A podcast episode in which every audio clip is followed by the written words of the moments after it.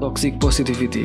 Sebelumnya gue mau nanya deh, lu tipe orang yang lebih memilih untuk terus-menerus berpikiran positif, terus-menerus terlihat bahagia dan terlihat baik-baik aja meskipun sedang dalam keadaan yang tidak baik-baik aja? Atau lu tipe orang yang menjalani hidup secara seimbang dan apa adanya? Seperti kalau lagi sedih ya nangis, nggak galau, dan kalau lagi bahagia ya ketawa, senyum ceria gitu. Gue pribadi sih lebih cocok sama yang kedua ya, yaitu menjalani hidup secara seimbang dan apa adanya. Karena bagi gue untuk meluapkan emosi itu penting. Misal gue lagi ngerasa galau, entah karena apa pun itu yang pasti ngebikin gue sedih. Salah satu cara gue untuk meluapkan emosi itu ya nangis. Karena kalau gue nangis, setelahnya gue jadi merasa lebih lega, lebih ringan, dan bisa berpikir jernih. Dibanding kalau gue pendam terus, yang ada malah jadi beban gitu dan gue nggak bisa berpikir jernih. Dan dengan itu gue jadi lebih bisa memahami perasaan teman-teman gue sih yang lagi galau. Contoh, misalkan ada teman gue yang lagi ngegalau di sosmed. Reaksi gue setelah ngelihat kegalauan dia sih jadi lebih memaklumi bahwa memang pada dasarnya setiap orang punya problemnya sendiri-sendiri dan juga punya caranya sendiri-sendiri dalam meluapkan uh, keresahannya. Kalau seandainya gue menolak perasaan sedih yang muncul di diri gue, lalu berusaha terlihat baik-baik aja, dan sampai pada akhirnya gue mematikan perasaan sedih itu sendiri, mungkin ke depannya gue bakal sulit memahami perasaan orang yang lagi sedih. Karena gue sendiri pun gak tahu sedih itu kayak gimana. Perasaan itu udah gue matiin duluan gitu, dan gue kayak memegang prinsip anti galau gitu. Sehingga gue gak paham tuh galau itu gimana, dan gak bisa berempati sama mereka yang lagi galau. Jadi bagi gue penting sih merasa sedih dan meluapkan kesedihan. Hal itu yang bikin gue jadi punya memori.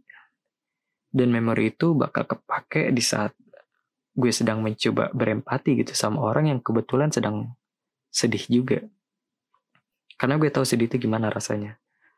Asal sedihnya jangan yang sampai berlebihan.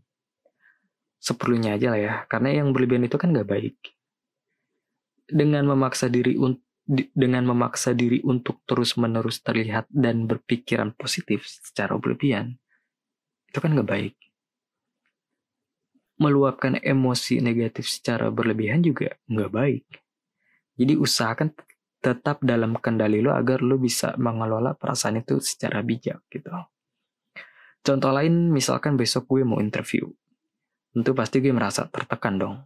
Dan itu gak enak pastinya tapi kalau gue bisa mengelola itu dengan baik, maka gue akan memanfaatkan perasaan tertekan itu untuk memacu gue berpikir kreatif.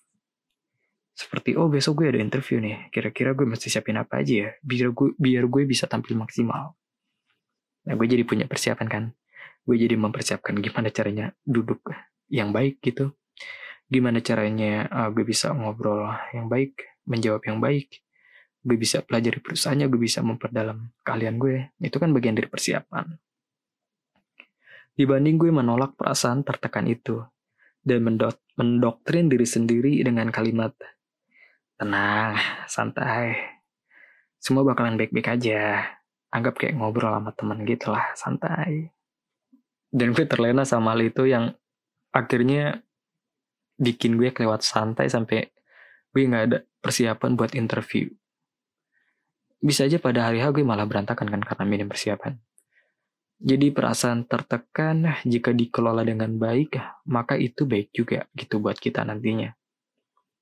Dan yang terakhir, dalam merespon temen yang lagi galau, stres, cemas, dan sebagainya, kalau kita belum bisa paham sama apa yang dia rasain, baiknya kita cukup menjadi pendengar yang baik aja. Misal, teman lagi stres karena menerima suatu masalah yang bikin dia terpuruk banget. Lalu dia datang ke kita dengan cerita tentang masalahnya. Bahkan sampai bilang mau bunuh diri. Sebagai teman yang baik sih, harusnya kita terbuka sama apa yang sedang dialami. Dan ya kita menjadi pendengar yang baik gitu, memahami perasaan dia, menawarkan solusi atau bantuan gitu untuk membangkitkan harapannya agar mau hidup lebih lama lagi bukan justru malah mengeluarkan suatu kalimat yang mungkin niatnya baik, positif, tapi momennya nggak pas, dan malah justru membuat dia semakin merasa tertekan. Seperti, Lu sih kebanyakan dosa, jarang ibadah, makanya hati lu gak damai. Please lah, berempati. Teman kita tuh lagi stres. Mari kita bikin dia merasa kalau kita tuh masih peduli gitu. Dan kita bikin dia agar nggak merasa sendirian di dunia ini. So ya, mari kita belajar untuk lebih berempati ke depannya bisa menjadi manusia yang sebagaimana mestinya gitu kan. Kita nih bukan robot yang gak kenal sedih, marah, kecewa, stres, dan sebagainya. Kita juga bukan monster yang gak kenal rasa kasihan dan gak peduli sama apa pun itu.